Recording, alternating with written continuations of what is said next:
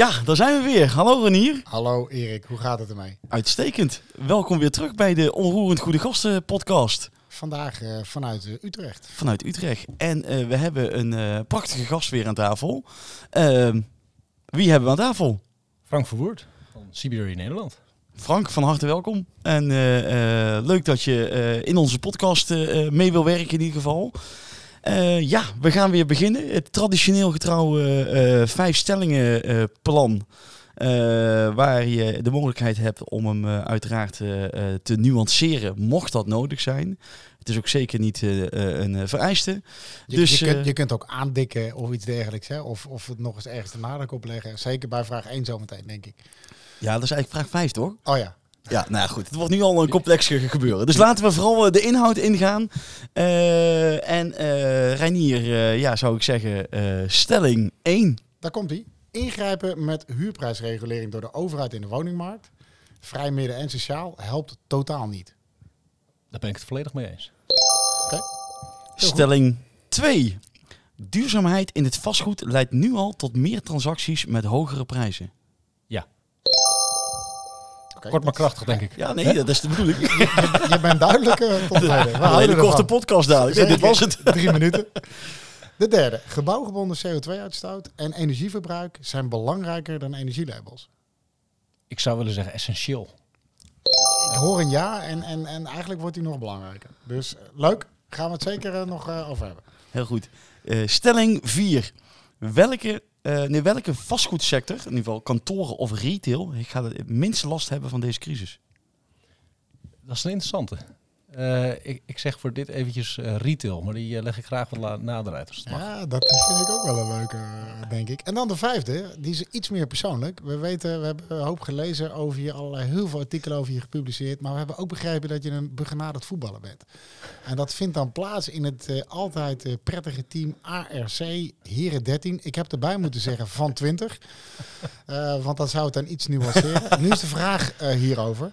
Wie is de sterspeler daar? Is dat A. Marco Hogevorst of B. Frank Verwoerd? Dit is, een hele dit is de makkelijkste van allemaal, denk ik. Dat is Frank Verwoerd. Kijk eens aan. Kijk eens aan. Die, die, die, zou vanuit de, uh, de zaal denk ik wel genuanceerd willen worden. Maar Sorry Marco. vertel. De laatste. Ja, we uh, beginnen uh, met de laatste. We beginnen met de laatste. Ja, ik voetbal uh, eigenlijk dit jaar pas weer voor het eerst. Maar de jaren daarvoor ook een jaar of tien denk ik in de ARC 13, 18, 20, 9. Dat is er van alles geweest. samen met, met Marco Hogevorst die bij de ABN AMRO werkt. Zeker. Ja, dus binnen, binnen de vastgoedsector ook. Dus wij bespreken op de zaterdag regelmatig nog wel eens ja, de nodige uh, dingen op de vastgoedmarkt. Okay. Dus dat gaat hartstikke goed. Het zou het mooi zijn als Marco er even zou kunnen inbellen in de Zeker. podcast. Ja, dat doen we voor de volgende we keer. We gaan het hem vragen. goed, uh, dan gaan we door uh, naar de, de, de eerste, laten we naar de eerste stelling teruggaan. Uh, ingrijpen huurprijzen, regulering, helpt totaal niet. Daar was je het mee eens. Leg uit. Zeker. Uh, nou, we hebben er een enorme studie ook naar gedaan binnen, binnen CBRE. En uh, wat je eigenlijk merkt is dat heel veel regulering uh, averechts werkt. En als we het nu even puur over de huurprijsregulering hebben, uh, dan zien we nu op korte termijn al een, een effect ontstaan dat er uh, investeerders, met name institutionele investeerders, ehm, ja, eigenlijk zich terugtrekken tijdelijk voor, voor nieuwbouwinvesteringen. maar kijken we naar de middellange, lange termijn, dan zien we dat eigenlijk alle type investeerders, of het nou particuliere beleggers zijn, of het nou private equity beleggers zijn, of institutionele beleggers zijn, dan zie je dat zij de handelingsperspectieven die ze hebben, ja, eigenlijk uh, of gaan uitponden, of gaan verkopen aan een uitponder, ja, of gaan optimaliseren om uiteindelijk weer in het ongereguleerde sector te, terecht te komen. En per saldo ga je dus niet een verbeterde betaalbaarheid uh, daardoor krijgen, wat, wat, uh, wat Hugo de Jonge daarin zou moeten willen. en tegelijkertijd zie je dat de, de investeerbaarheid vanuit beleggers aanzienlijk kleiner wordt. Dus per saldo wordt dat aanbod binnen de huursector gewoon kleiner, waardoor de betaalbaarheid aan zich gaat verslechteren. En wat, bedo wat bedoel je dan bijvoorbeeld met het, uh, dat je buiten de regulering valt? Betekent dat dat, je, dat, er, uh, dat ze panden gaan samenvoegen? Of hoe, hoe, hoe, werkt dat? Ja, dan? samenvoegen zou kunnen, mm -hmm. uh, maar dat is niet het meest voor de hand liggende. Ja. Waar ze in eerste instantie naar kijken is, kunnen we het bijvoorbeeld gaan verduurzamen? Daar krijg je best veel punten voor hè, binnen het WWS-systeem. Ja. Uh, dus op het moment dat dat zou kunnen, dan is dat over het algemeen een hele uh, interessante investering om te doen om in die ongereguleerde sector uh, weer, weer terecht te komen. En dat verwachten we zeker bij particuliere beleggers die vaak nog wat minder duurzame woningen hebben, dat die dat wel degelijk gaan doen om nou ja, de, de dans te ontspringen, om het maar even zo, zo te schetsen. Ja. Maar je voelt de verdiepende vragen aankomen. Hoe dan wel? Wat dan wel? Nou, kijk, ik denk dat we daar eerst een stapje terug moeten. En het stapje terug met het perspectief van betaalbaarheid aan zich. En als je naar de sociale sector in Nederland kijkt, uh, dan hebben wij op dit moment 2,7 miljoen sociale huurwoningen. Uh, als je kijkt wie daar in basis uh, nou ja, naartoe zouden kunnen of kunnen gaan aanhuren, zijn dat 2,5 miljoen mensen. 2,5 miljoen huishoudens. Dus als je het mij vraagt, is het in grote lijnen een verdelingskwestie. dus daar ligt wat mij betreft de allereerste sleutel om ja, beter om te gaan met die sociale voorraad. Uh, betekent wel degelijk dat je de scheefwoners die daar nu zitten een andere mogelijkheid moet gaan bieden. En dat is een hele lastige. Uh, maar per saldo denk ik dat je vooral in die verdeling een hele hoop zou, uh, zou kunnen, gaan, kunnen gaan doen om het te verbeteren laat onverlet dat je de voorraad natuurlijk in zijn geheel moet gaan vergroten, ook in dat middensegment voor onder andere die scheefwoners. Maar wie moet dat dan gaan verbeteren? Want jij zegt ja, overheid uh, ingrijpen helpt maar matig. Maar goed, uh, je zit hier met name bij de, de woningcorporaties, uh, denk ik, die veel van dit bezit hebben. Maar wie moet dat dan gaan doen? Wie moet hier de regie dan pakken? Ik denk dat de Rijksoverheid wel een aantal wetsvoorstellen en ook een aantal wetgevingen heeft ingevoerd in de laatste jaren om scheefwonen aan te pakken. Alleen het is vrijblijvend. Eh, dus corporaties die hoeven niet per se een huurverhoging van 50 of 100 euro bij die scheefwoners uh, neer te leggen. Uh, en dat doen ze dus ook niet. dus ik zou daar meer een verplichting van willen maken. en ik zal vast wel een hoop scheefwoners op me afkrijgen als ik dit, dit, dit benoem. Ehm, dus we moeten ook vooral gaan hebben over wat is dan die oplossing voor die scheefwoners. Want ik begrijp best dat zij ook niet graag nou ja, in de kou worden, willen worden gezet. Um, tegelijkertijd vind ik het persoonlijk oneerlijk voor die mensen die op die wachtlijsten staan. En die een heel laag inkomen hebben en die dus eigenlijk helemaal geen kant op kunnen. Maar laten we dan heel even, stel dat die tien scheefwoners uh, voor de deur staan en die, die houden we nog even buiten. Maar stel dat ze binnen laten, wat moeten we hen nou vertellen? Uh, gewoon even, wat, wat zouden we daarvoor kunnen doen? Misschien meer even in de brainstormende sessie. Heb je daar ideeën over? Nou, ik denk dat we in zijn geheel natuurlijk gewoon meer moeten gaan bijbouwen. En dat is het meest algemene antwoord wat, uh, wat we de laatste jaren denk ik met z'n allen al heel veel genoemd hebben. Ik denk dat de, de flexibele woningen die we nu uh, op bestelling in een tender hebben vanuit het Rijk, dat die ook wel degelijk een, een, een eerste oplossing kunnen gaan geven om ja, korte termijn heel snel dat aanbod uh, te gaan vergroten. En met name in dat middendure huursegment, waar dus die scheverswoners dan wel degelijk in, in, in thuis kunnen. en dan geef je wel degelijk een aanbodmogelijkheid om die stap naar daar te maken. tegelijkertijd, als je wil blijven zitten, is het natuurlijk ook prima. Alleen dan moet je wel marktconform gaan betalen. En op het moment dat je dat meer marktconform uh, gaat maken, betekent het ook dat corporaties meer investeringscapaciteit kunnen gaan krijgen om weer meer nieuwbouw te gaan realiseren. Dus per saldo gaat het mij er vooral om dat uh, je niet een ja, impliciete subsidie aan uh, deze huishoudens zou moeten, moeten geven. die ten koste gaat van de investeringscapaciteit van woningcorporaties. Terwijl die woning eigenlijk beschikbaar zou moeten worden gesteld aan iemand die het misschien nog wel veel harder nodig heeft. Ja, precies. Dus als we, maar dan moeten we alleen nog even wat ruimte creëren dat er ook gebouwd kan worden, geloof ik. Want dat is een uh, lastig issue uh, uh, in de markt op dit moment natuurlijk. Ja, en ik vind Hugo de Jonge, ik vind dat hij heel veel dingen niet zo goed doet. maar op het punt van de, de, plancapaciteit probeert hij wel degelijk meer hardheid erin te krijgen. En probeert hij wel degelijk de discussies tussen provincie en gemeente, die er al jaren is op veel plekken, probeert hij te slechten. Om uiteindelijk ervoor te zorgen dat die grond wel wat meer ja, hard wordt als dat het tot op heden altijd was. Dus ik denk in die zin dat dat element eigenlijk wel een, een, stuk beter is dan dat we het een jaar geleden hadden. Ja. Compliment aan Hugo de Jonge. Zeker. Hoor ik. Nou, dat is uh, mooi oh, dat we dat ook uh, kunnen doen. Ik heb nog één, één verdiepende vraag hier. Uh, wanneer, jij bent researcher hè, met name. wanneer verwachten jullie dat die buitenlandse beleggers weer terug gaan komen? Wat moet daarvoor gebeuren, met name die woningmarkt? Nou, die zijn er nog steeds hoor. Okay. Uh, sterker, uh, recent hebben we nog een, een nieuwe uh, Duitse belegger hier naartoe getrokken met best wel een nieuwe portefeuille die ze hebben aangekocht. En die willen ook veel verder gaan uitbreiden. Het, het is wel zo dat veel buitenlandse beleggers heel sceptisch kijken naar ja, de opstapeling van regulering die er is. Ja. Tegelijkertijd moeten we het oog ook niet dicht doen. In andere landen gebeuren dit soort dingen ook. Misschien niet, niet in de extreme mate die we nu in Nederland zien. dus ook die buitenlandse beleggers zijn dit wel degelijk gewend. Alleen de snelheid waarmee nu regulering op, uh, op de verschillende beleggers afkomt, is wel heel extreem. Dus eh, het moet niet zo doorgaan. eh, wil eh, ja, de wal het schip op een gegeven moment ergens gaan keren. Nou, jullie hebben daar in ieder geval ook een mooi rapport voor uitgebracht. Vrij recent. Zeker. Nou, ik, kan, ik heb het gisteren zitten lezen. Dus in ieder geval... wat vond je ervan? nou ja, ik vind het interessant ook zeker hoe je kijkt hoe in, in, de, in Duitsland bijvoorbeeld ook een aantal voorbeelden rondom Berlijn. ja, wat, wat, wat bepaalde maatregelen aan impact kunnen hebben. Dus ehm, ja, nee, ik denk, laat ik zo zeggen, ik zou in ieder geval iedereen adviseren om het te lezen. En even te voorkomen dat deze podcast eigenlijk over mij gaat. Ja, dat, dat dat duidelijk is. We, we, we- we hebben al twee, twee positieve dingen Zeker. in elk van deze. Eh, Complimenten Hugo de Jonge. En, en twee, een nieuwe Duitse belegger. Dus eh, laten we ook proberen om niet al te negatief te zijn over die markt. Hè? Want eh, op een gegeven moment eh, roept iedereen het na en dan weten we zeker dat het zo is. precies, precies. het fundament blijft goed. Hè? En dat, is- Exact, dat, is het exact. grote, eh, ja, dat is het grote belang voor veel beleggers. En eh, uiteindelijk willen ze dan dat stabiele rendement ergens vandaan halen. Ja. Hey, eh, hartstikke goed. Eh, laten we doorgaan naar de volgende stelling. Ehm, stelling 2. Duurzaamheid in vastgoed leidt nu al tot meer transacties met hogere prijzen. Ja, ik zei daar eh, volmondig, Volmondig, eh, ja. op. ja. Zeker. Ja. Kun je daar iets meer over vertellen? Ja, ik denk dat eh, als je kijkt naar het institutionele geld wat we zien eh, in de wereld, maar zeker ook in Nederland, die schuift telkens meer naar duurzaamheid op. Dus wat wij merken bij eh, ja, het meest moderne eh, vastgoedproduct, is dit gewoon een van de belangrijkste vereisten aan het worden. De duurzaamheid ESG, eh, alle regelgeving die er vanuit de EU aankomt, daar moet het aan eh, eh, gecommitteerd zijn. Wil, men überhaupt erin gaan investeren? Dus enerzijds zien we dat er bepaalde transacties niet doorgaan op het moment dat dat niet al die ESG-criteria eh, eh, aantikt. Eh, en het gaat juist versneld door op het moment dat dat wel het geval is.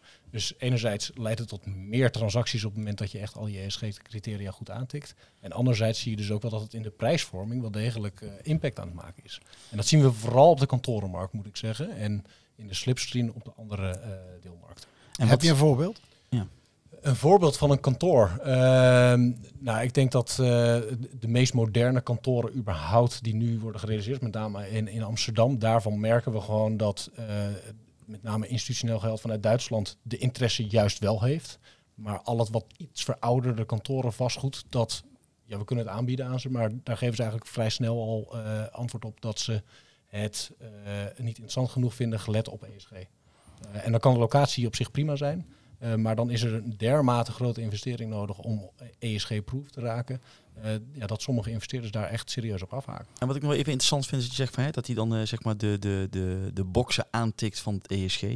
Maar welke zijn dat dan? Want ik, ik, ik ervaar zelf op dit moment, dit is de allermoeilijkste uh, vraag van de markt. Misschien ja. wel een beetje een gemene vraag om te stellen. Maar dat we nog steeds heel veel kantoren hun eigen boxen maken. Mm -hmm. Waardoor het nog lastig is om het goed te kunnen vergelijken. Om, waarin we uiteindelijk als research, om dat goed te kunnen onderzoeken. Is het een onderbuikgevoel of kunnen we op basis van research data echt zien dat er inderdaad meer geld voor wordt betaald voor? En op basis van welke boxen dan die er worden aangetikt? Uh, het is geen onderbuikgevoel meer. Dus wij doen nu binnen ons bedrijf ook ESG due diligences. Dus uh, dan gaan we echt een, flink aantal criteria langs waaraan een, een bepaald gebouw aan moet, uh, moet voldoen. En dat raakt heel veel aan de E hoor, daar zal ik, zal ik eerlijk, eerlijk in zijn. En wat minder aan de S en aan de, aan de G. Um, en de lastigheid zit erin dat je het heel erg objectspecifiek kan je het goed uitzoeken.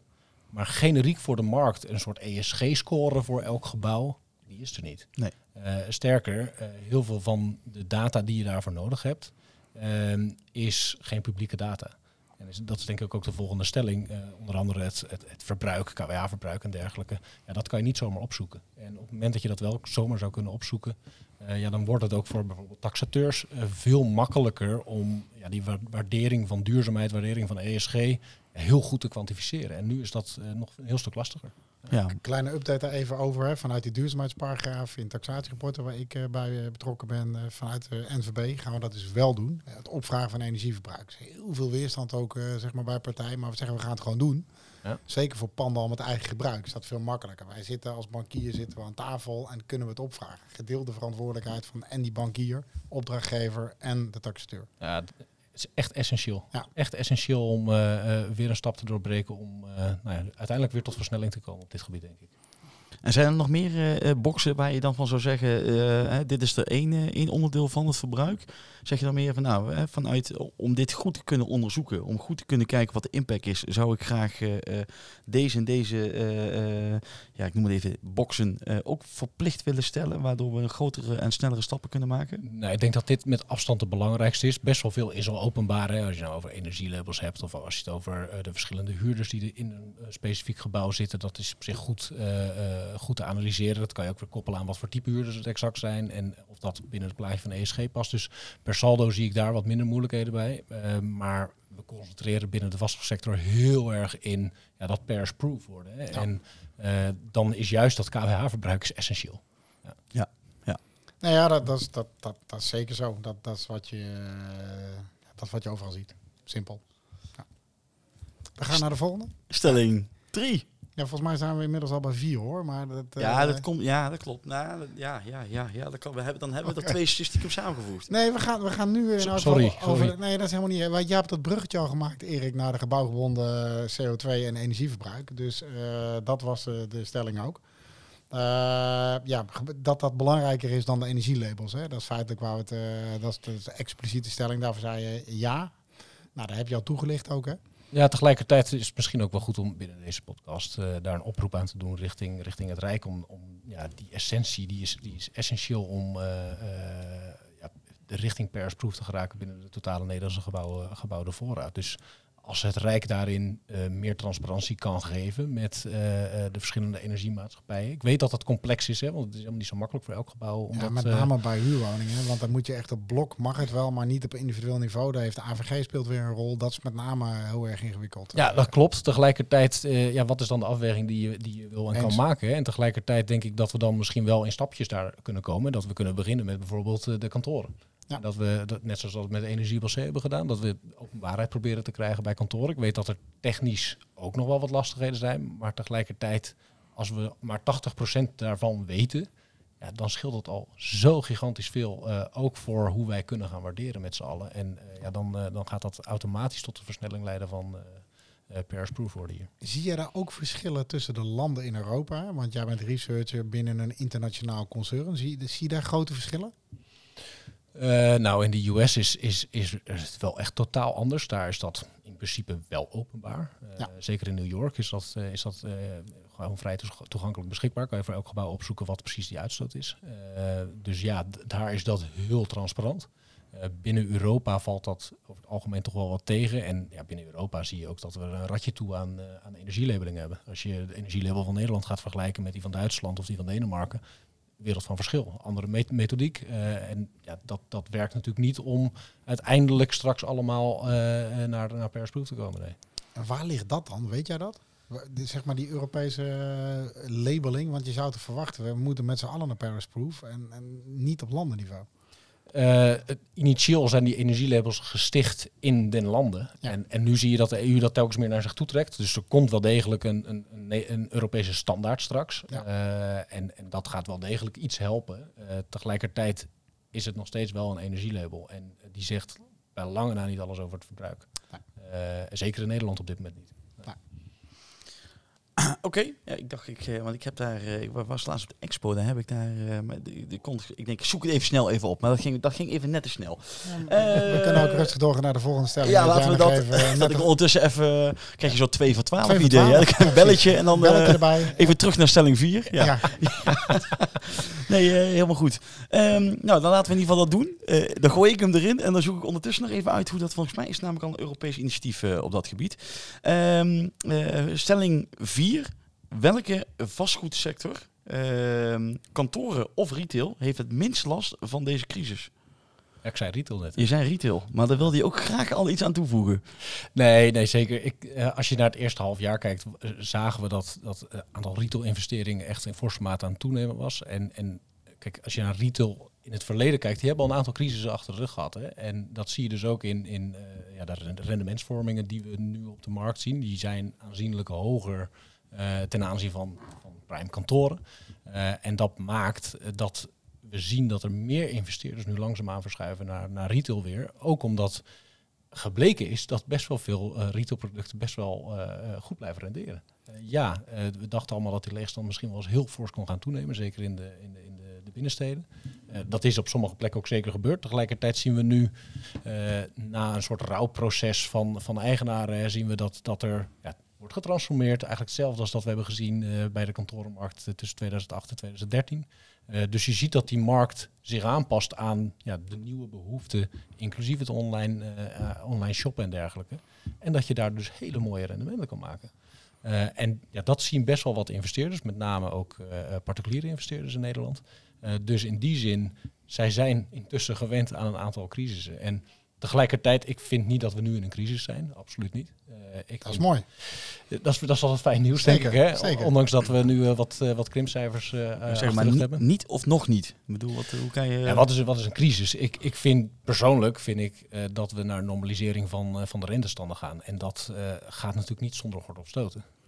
We praten over wel of geen recessie, hè? dat valt gewoon objectief vast te stellen. Nou, daar zullen we wel inkomen. Zeker. Maar dat wil niet zeggen dat het een crisis is. Dat is eigenlijk wat je zegt. Ja, nee, we, gaan zeker in een recessie terechtkomen. Dat, is, dat, is, uh, dat, dat staat zeker vast. Tegelijkertijd, uh, als ik kijk naar de vorige crisis die we echt als crisis hebben ge, gedefinieerd, dan moet ik dan nog maar zien of dat op die manier zo gevoeld gaat worden binnen, binnen Nederland. Nog heel even terug naar de retail en ook naar de kantoor. Volgens mij zit er ook een technisch aspect aan, omdat retail al heel erg is afgewaardeerd. Ja. Dus dat betekent dat je nu op een bepaald level zit waarin inderdaad net wat jij zegt, meestal all equity partijen die kunnen instappen. Hè, want financieren is nog wel een dingetje ja, uh, zeg maar, bij retail uh, vastgoed. Maar goed. En ook onterecht vind ik overigens. Ja, nou dat eens. Dat is als ik kijk naar, naar, naar het product retail en ik mag op een werk mag ik niet zeggen retail, want er zijn eigenlijk acht verschillende categorieën retail. Uh, maar per saldo uh, is er heel veel risico ingeprijsd. Of het nou gaat om, om het aanvangsrendement of dat het nou gaat om de huurprijzen. Uh, die zijn aanzienlijk gedaald de laatste vijf jaar. Dus het kan ook niet heel veel slechter. Exact. en daarbij vind ik dat, dat, dat, dat financiers daar best wel iets anders op maar mogen naar gaan kijken. in, in, verhouding tot dat ze dat tot op heden hebben gedaan eigenlijk. Ja, goed punt. En daar moeten wij ook naar kijken. En daar kijken we ook naar als bankensector en als opdrachtgevers. Uh, zeker. Maar dat betekent zeg maar als retail het uh, minst last uh, heeft van deze crisis, dan voel je een bruggetje al aankomen. Dan zullen de kantoren, in ieder geval volgens deze stelling, daar meer last van, van, van krijgen. Wat, wat verwacht je daar? Of wat zie je daar gebeuren? Nou, zeker uh, de kantoren gaan er wat meer last van krijgen. Uh, enerzijds economisch gaan er iets meer uitbreidingsbehoeften uh, komen voor de kantorenmarkt. Hè. Dus de gebruikersmarkt zal iets meer onder druk komen te staan. tegelijkertijd verwacht ik daar niet een enorme verhoging van de leegstand of iets dergelijks. maar per saldo, de aanvangsrendementen van kantoren zijn, zeker van het core product, zijn super laag. in verhouding tot, tot retail. Dus op het moment dat je ja, risicovrije voet van obligaties, uh, staatsobligaties heb ik dan even over. Ja. Als die fors omhoog gaat, ja, dan heeft dat ook zijn betekenis voor, voor de prijsvorming op de kantorenmarkt. Uh, dus in die zin gaan zij daar meer hinder van, uh, van krijgen. En dat zien we nu ook wel in, in de transacties die wij begeleiden, dat dat, dat, dat moeizamer gaat, omdat er wel degelijk een bepaalde prijscorrectie nu plaatsvindt. Maar heel even, eh, laten we even naar, eh, daar gaat het altijd over. Hè. In eerste instantie de Zuidas. Uh, daar zitten de corporates. Uh, nou, ik lees in, in de kranten dat uh, veel corporates 40, 50 procent minder kantoormeters nodig hebben. als ik dan even optel wat er zit en alle corporates bij elkaar optel, mm denk ik, ja, misschien is er eind volgend jaar wel 300.000 meter wat leeg komt daar op de Zuidas. En wat doet dat dan? Ik, ik wil daar toch een genuanceerder beeld van geven. En, eh, Mooi. Eh, ik geloof dat uh, anderhalve maand geleden kwam het FD ook met een, met een dergelijk stuk uit. Hè. Die had geloof ik elf of twaalf van dat soort corporates gebeld van, joh, wat ga je doen? en ja, die corporates die gaan over het algemeen best wel terug in, in hun meters. tegelijkertijd zit daar economische groei tegenover. Dus wat wij hebben gedaan is nou, gekeken naar alle zoekvragen, gekeken naar alle transacties die er post-COVID zijn geweest en gekeken van wat laat men nou achter en wat huurt men nu aan.